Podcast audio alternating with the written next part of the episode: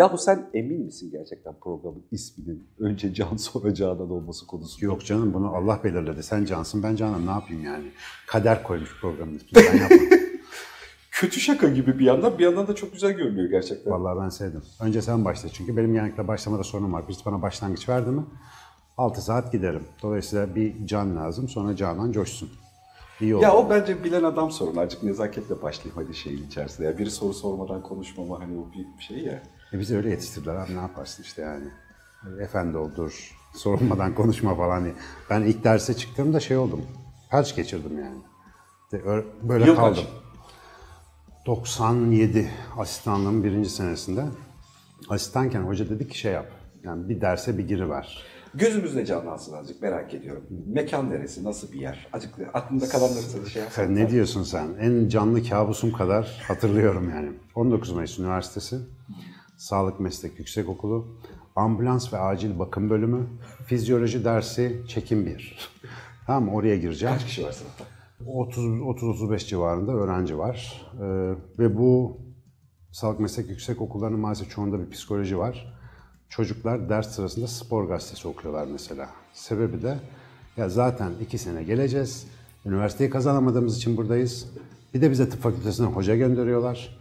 Ya boşu boşuna bizi meşgul etmeyin. Şu dersler bitsin, verin diplomayı biz gidelim. Sonuçta biz ambulans ve acil bakım işi yapacağız diye böyle bir kafada geliyordu birçoğu.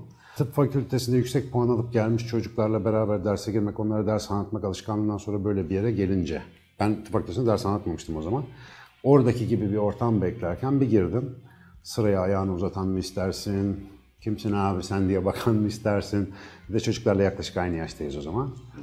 Çok iyi bildiğimde bir konu denk gelmişti bana ama girdim. Uzun bir sınıf tabii. Ee, şey böbrek anlatacağım. Ama şey, çok basit düzeyde yani. Upuzun bir sınıf düşün. Bir tren gibi. Ee, işte iki sıra var. Öğrenciler oturuyor. Sınıfa girdim. Hani bu filmlerde bir hareket vardır. Kamerayı şaryoda götürürken zoom'u geriye alırsın da arka plan hı, uzar ya böyle. Korku filmlerinde bir sahne. Ya Rabbim aynı öyle oldu. Sen bunu nereden biliyorsun teknik olarak? Çektim çünkü cep telefonuyla çok uğraştım. O sahneleri çok sevdiğim için. Güzelmiş. Tabii tabii. Sınıfa girdim. Şimdi çocuklar bana bakıyor. Ben çocuklara bakıyorum. Gördüğüm tek şey sınıf uzuyor. Duyduğum tek şey kalbim kulaklarımda atıyor. Çünkü ne söyleyeceğime dair hiçbir fikrim yok. Çalışmış gelmişim. Slaytlarım var. Pardon o zaman slayt da yok. Tepegöz'le anlatıyoruz. Her şeyim var malzeme. Ee, o stres tepkisi nedeniyle çocukların bakışları bana vampir bakışı gibi geliyor. Çünkü gittikçe onların da yüzleri çarpılıyor gözünde. Hepsi falan böyle bakıyorlar. Ben diyorum ki böbrek miydi, beyin miydi, konu neydi falan derken galiba 3-4 dakika, bana gerçi bir 6 ay gibi geldi ama 3-4 dakika bir sessizlik oldu. Ne diyeceğimi bilmiyorum, nereden başlayayım, ne söylesem dünyanın en anormal şeyi olacakmış gibi geliyor. Çocuklar da böyle nasıl canavarca bakıyorlarmış gibi geliyor. Sonra dedim ki merhaba arkadaşlar. Hepsi şöyle bir merhaba oldular. Bir anda böyle bir şey dağıldı. O ortam dağıldı. Sonra sohbet muhabbet hemen aklıma geldi. Siz buraya niye geldiniz? Dersin yarısını muhabbetle geçirdikten sonra bir rahatladık. Ee, Ondan sonraki birçok derste de bu şey kalmıştı. Yani ilk girdiğim derslerde hep büyük stres. Daha sonra bir televizyon programında ilk çıktığımda bunu yaşamıştım. Kaç senedir üniversitede ders yapıyorsun? İşte 97'den beri parça parça ama öğretim üyeliğine başlamam 2004. 2004'ten bu yana. 97'den bu yana öğrenci profili değişti mi? Hani şu hep Çok. yaşlanan, hepimizin yaşlanırken üzerinde yaptığı bu gençler çok bozuldu falan hikayesi. Ne diyorsun? Bozulmadı, düzeldi bence. Yani çeşitlilik arttı. Benim en sevdiğim. Yani öğrenci profili bir kere insanlar benzersiz olduğu için bizim zamanımızda da çocuklarda böyle çok cins değişik tipler vardı. Ama o 90'ların sonu mesela Türkiye'deki hani politik yapı gereği de herkesin böyle bir höt deyince oturduğu bir zamanda. Şimdi höt diyorsun o sana üç kere höt diyor. Yani öyle bir türev de geldi. Hepsi değil ama büyük bir çoğunluğu. Hani şu hocalık yaparken hep biraz da artistçe buluyorum o hikayeyi de. Ee, çocuk da öğretir. Hani öğrenme hep karşılıklıdır. Çocuk da bir şey öğretir. Öğretiyor mu çocuk gerçekten? Yani üniversitede en azından. Artık çocuk demezsek yani koca adam onlar. Ya şimdi ben diyebiliyorum gerçi yaş farkı açıldı ama valla e, anlatmak öğretiyor. Yani anlatmanın öğreten bir tarafı var. Onu sen de yaşıyorsundur. Sen de benim konuşkan bir adamsın. Ben konuşarak düşünenlerdenim. ders vermeye başlayınca fark ettim. Bu Sonra- teknik olarak gerçekten var mı? Azıcık böyle açık içe doğru derinleştiriyorum konuyu ama yani. hani Ya bak şey içerisinde. şey, mutfak- Gerçekten bilimsel teknik olarak böyle bir şey var mı? Mutfakta yemek yapan herkes bunu bilir. Bak ne alakası var diyeceğim. Un, su, yumurta, kek yapıyorsun işte ne katılır içine bilmiyorum hepsini. Karıştırdın. Onların hepsini karıştırdığında e, bir şeydir bulamaç gibi. Karıştırmaya başlıyorsun. Karıştıkça bir kıvam oluşuyor ya. Konuşmak böyle bir şey. Bazı bazı zihin için hepsi değil. Ee, insanlar konuşarak çoğu düşünüyor ama bu tarz bir konuşmayla öğrenme mekanizması yatkın bir zihin gerektiriyor galiba. Çünkü her ders anlatana bu olmuyormuş onu öğrendim. Sen kafada malzemeyi karıştırıp anlamlı bir kıvam aradıkça kıvamdan kıvama geçip yeni bir takım bileşimler elde ediyorsun mesela. Anlatmanın en güzel tarafı bu. Ee, şimdi işte burada seninle muhabbet ediyoruz, televizyona çağırıyorlar, bir şey yapıyorlar. Yani benim için cennet gibi bir şey böyle sürekli konuşturuyorlar falan ama benim anlattığım şeylerin yüzde sekseni konuşurken öğrendiğim şeyler. Daha önce okuyorsun parça pincik, çoğunu unutuyorsun, altta bir yerlerde kalıyor bilincin altında bir yerde. Sonra konuşurken daha dün mesela işte bir seminer sırasında konuşurken kendimi bir ara dinledim dedim keşke bugün kayıt alsaydım. Allah'tan alıyorlarmış. Çünkü ben onu unutacağım sonra yani orada konuşurken bir anda birleşmiş. Ben onu fikir masalarında ben ona aynalama diyorum. Ya benim aklımda bir şey var ama dur bunu bir şekle dönüştürmem lazım. Ya arkadaşlar bir yardımcı olur musunuz? Bir anlatayım da aynalayayım mevzuyu. Hani ben anlatırken çıkıyor çünkü hani şey içerisinde. Bir hani soru beraber- gelir. İşte mesela o yüzden mesela bu muhabbet de benim için. Kesin kesin ben buradan bir şey öğrenip kalkarım yani. Çünkü bir şey dersin. Benim daha önceden ayrı duran iki işte tahta birleşir. Bir sırık olur o. Yeni bir malzeme çıkar beyinde, yani zihinde. Anlatabiliyor muyum? Dolayısıyla ben aslında bunu tembel bir adam olarak bir öğrenme yöntemi olarak kullanıyorum. Çok isterdim işte felsefeciler gibi şu şunu okudum bilmem ne Kierkegaard'a göre varlığın bilmem nesi. Öyle bir metodikliğim yok. Ama hayat içerisinde bilimsel bilgiyi hiç bilimle işi olmayan anlattığın zaman neyi ne kadar bildiğini çok iyi öğreniyorsun ve neticede bayağı bilmiyormuşum çok şükür yapıp daha fazla anlatıp daha fazla öğretmeye, öğrenmeye gayret ediyorsun yani. Senin sevdiğim şey bu. Hadi benim normalde sana dışarıda da sormaya niyetli olduğum bir soru var. Yayının içerisindeyken sorayım bir şey içerisinde. Tövbeler olsun. Bir, yudum alayım. Bu e, marka falan işlerinin de e, bir kenarı ya da ucuyla da alakalı. Senin tanımın ne hocam? Benim tanım. Evet. Yani Sinan Canansın. Ama Sinan Canan olarak yani hani kendini bir şeyle tanımlasan ne dersin kendine? E, Benim o konuda bir derdim var şöyle ki akademisyen olduğun zaman diplomana ya da aldığın uzmanlık sertifikana göre isim veriliyor. Şimdi benim adım başında Prof. DR var. Prof. DR sevimsiz bir tabir. Ben özellikle içinde olduğum için sevmiyorum. Biyolojiden mezun oldum bana biyolog dediler. Halbuki biyolojiden mezun olanların yüzde biri bile biyolog olmuyor. Çünkü biyologluk tabiatta bir şey yapman gerekiyor. Ben dolayısıyla biyolog değildim. Tıp fakültesinde master yapmaya başlayınca beni doktor zannetmeye başladılar. Hele bir otobüs yolculuğunda yanındaki tıp fakültesinde asistanım dediğim zaman teyzemin dizi şöyle ağrıyordu diye başlayan muhabbetlerle o Ankara'nın yolu gitmiyordu. O da değilim. Sonra şimdi psikoloji bölümüne geçtim. Herkes beni psikolog sanıyor. Mailler yağıyor. Hocam hasta görüyor musunuz falan. O da değil. Ya bunlar insana bir şey yapmıyor. Diplomalar yapmıyor. Bu arada gençlere önemli bir şeyim var. Diploma hiçbir işe yaramıyor artık. Kendini tanımlama zorunluluğu getiriyor bu sorun. Benim profesyonel olarak kendimi tanımlama şeklim meraklı. O kadar. Meraklı. Ben buraya geldim. Gitmeden evvel heybede ne kadar boşluk varsa hepsini dolduracağım. Bunun için de herkesle her şeyle ilgileneceğim. Mesela benim işim olmayan bir iş yok bu dünyada. O yüzden çok şükür meşgulüm. Güzel gidiyor yani. Ben Meraklı profesyonel meraklıyım. Tabii. Profesyonel meraklıyım ama. Yani maymunun merakıyla benim merakım arasında bir fark var. Ha işte ona kitapta şunda tecessüs demiştim. Maymun muzu muza benzer bir şey gördüğünde meraklanır hemen. Niye? Muz olma ihtimali var. Gider bakar muz değilse döner gider. Ben muza benzer bir şey görüp yaklaştığımda muz olmadığında neden muza benzediğiyle ilgili ömrümü harcayabilirim? Yani neden oraya gittiğim, bunun kökeni bilmem nesi, tecessüs daha derine girip girip girip girip araştırma. Zaten işte bu dünyanın güzel tarafı bir şeyin böyle detayına giriyorsun. Ömrünü orada harcayabiliyorsun yani. Ama bir detayda da kaybolmayız inşallah. Her tarafı gezmek lazım. Dolayısıyla bence güzel bir tanımlama. Benim işimi görüyor. Mesela böyle profesör mü olur? Değilim ki ben profesör. Ben meraklıyım. Sonuçta yırtıyorsun. ne biçim İş konuşuyorsun? E, meraklı böyle konuşur. Yapacak bir şey yok.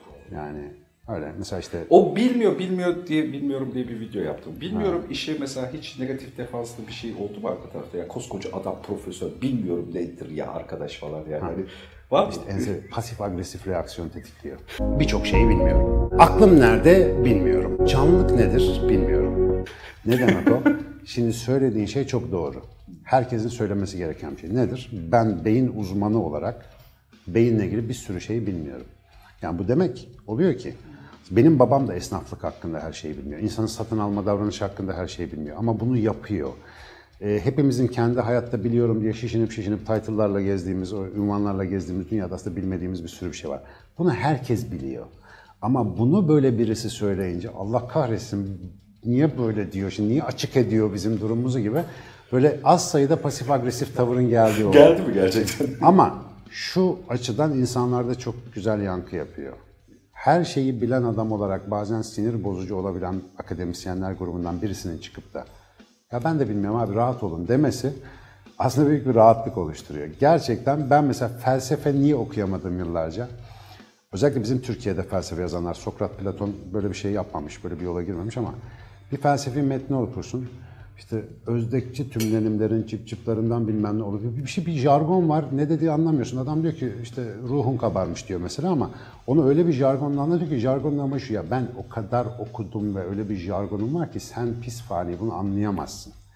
Dolayısıyla Allah kahretsin diye kitabı atıp işte Conan Zagor okumaya geri dönüyorsun mesela. Şimdi böyle bir jargon insanı bilgi demokrasisinde dışarı atıyor. Yani Bu arada çok pausluyorum. Conan'ı duydun Hicret. Konuyla alakalı. Conan bize ait önemli bir çizgi roman. Şey. Conan var evet gerçekten. Conan sende mi Conan? Conan tabii ki yani. Krom adına ne diyorsun?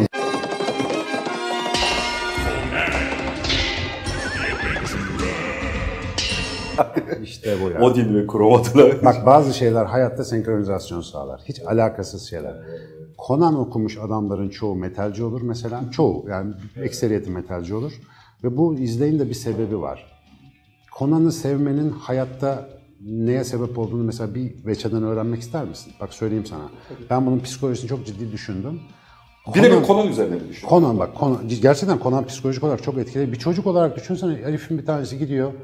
Bütün güzel kadınları bir şekilde tavlayabiliyor. Bütün canavarları yeniyor. Dünyanın en işte evrenin en güçlü büyücüsü Tutamon'u üç kere falan öldürüyor. Tutamon da ölmek bilmiyor biliyorsun. Yani dolayısıyla böyle tuhaf bir tip ve Bir kule mule hikayesi vardı. Onu hatırlıyorum mesela. Bir tane bir tanesi Tabii kulede tabii. Neler şey işte Tulsa Dumu Kulesi'ne girip şeyi çalmalar falan. Şimdi Conan ne için yaşıyor mesela? Sırf gününü geçirecek para için servet biriktirmeler de yok. En sonunda kral bile oldu. Krallığı bıraktı gitti mesela. Gününü geçirecek parayı toplamak için yaşıyor. Ama onun dışında bir yaptığı bir tek şey var. Niye olduğunu bilmediğimiz şey adam devamlı mücadele içinde. Atına bir biniyor bir tarafa doğru gidiyor. İlla bir arıza. Çünkü dünyada arıza çözmek için tasarlanmış bir karakter. Savaşırken mesela en heyecanlı yer neresi Conan okurken? İşte biri çıkıyor karşısına bir iblis mi iblis. Kılıcı çekiyor. Krom adına diyor. Şimdi Krom bunun tanrısı. Kimmeryalıların genel inandığı, Kimmerya dağlarında inanılan bir tanrı.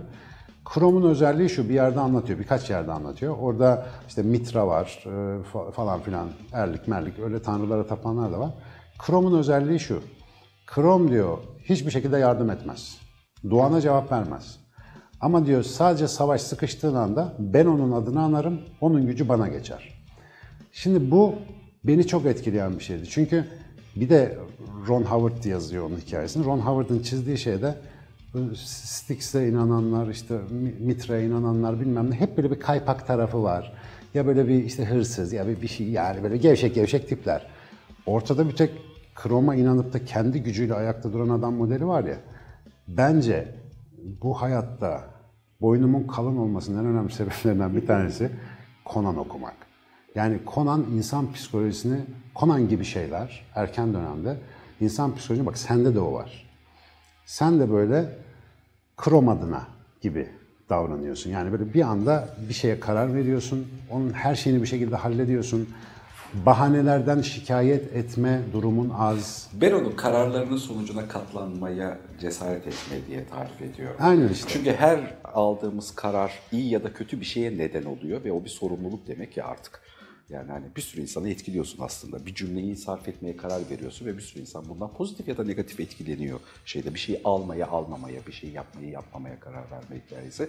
Ee, sokakta buna çok sıklıkla rastlıyorum. Buradaki cesaret gittikçe insanlarda düşüyor. Mümkün olduğunca dünyayı değiştirmeyeyim. Çünkü onun sorumluluğuna katlatmak benim için zor. Conan okumuyorlar çünkü. E, Conan okumuyorlar. İşte onun yerine açıp Netflix'ten dizi izliyorlar hep beraber. O bir yeni uyuşturucu hali diyorum. Ne diyorsun o konuyla alakalı? Tabii yani hazır içerik öldürecek bizi. Yani ben de izliyorum şu anda ama ben zamanında e, hiçbir resmi olmayan kitaplardan hayal kurarak büyütülmüş bir beyne sahibim. Mesela o Tom Sawyer'ı 30 küsür kere okumuşluğum var. Başucumda lime lime olmuş bir kitaptır. Tom Benimki de. Robinson Crusoe'dur. Niye acaba? Aynen. Saçma bir şekilde. Çengen nereye takılırsa abi. Hayat böyle geçiyor. Onu da bana bir yengem mi ne hediye etmişti. Hiç unutmam Milliyet yayınlarından içinde bir tane resim yok. Sadece Milliyet yayınlarının logosu var. Görsel olarak tek olan o. Kapağı da yazı, içi de yazı. Ama bu ne sağlıyor biliyor musun? Geçenlerde bir öğretmen arkadaş bir panelde dikkatimi çekti. Bir hikaye kitabı gösterdi. Hikaye kitabının kırmızı başlıklı kız. Üzerinde kurt ve kırmızı başlıklı kızın resmi var dedi. Bunu buraya koydun ya çocuğun hayalini öldürdün dedi. Dedim işte bu ya bak bu da dedi teknoloji ve bu şekli zararlı. Çünkü kırmızı başlıklı kızı sadece yazıdan okuduğunda özgürsün. İstediğin her şeyi düşünebilir, her şeyi kurabilirsin. O yüzden ben Tom Sawyer'ın 20 yıl sonra film uyarlamalarından birini seyrettim. Oscar ödüllüydü. Tiksindim filmden. Yani E muhtemelen... ama senin kurtun hayal nerede? O film Tabii. ne yaparsa yapsın. Bir de çeken adam Amerikalı. Yani benden çok iyi biliyor. Gerçek Tom Sawyer muhtemelen ona çok yakın bir şey. Ama beni sarmadı yani. Ben Tom Sawyer'ı bizim mahalledeki Ümit zannediyordum. Yani aynı onun gibi sürekli burnunda böyle pis pis burnu çeken falan bir çocuk yani Tom Sawyer'a. Bir baktım orada cillop, sarı saçlı, mavi gözlü, hasır şapkalı bir çocuk. Olmaz yani. Bizim Tom'un karizması gitti benim kafadan. O Halbuki Almancıymış Tom Sawyer. Yani hani izleyince değil mi? Tabii, Şeyin içerisinden bize gelen Tabii Almancıymış. bizim kodlamalarda farklı bir şey. İşte o yüzden şimdi hazır görsel içerik tüketen çocuklar tamam ağlamıyorlar, arıza çıkarmıyorlar, anne babayı darlamıyorlar. Anne baba rahat ediyor eline iPad verince bilmem ne falan ama yarın bir gün göreceğiz. İşte bugün üniversiteden mezun olunca yarın hayalini kuramayan çocukların bin beteri geliyor.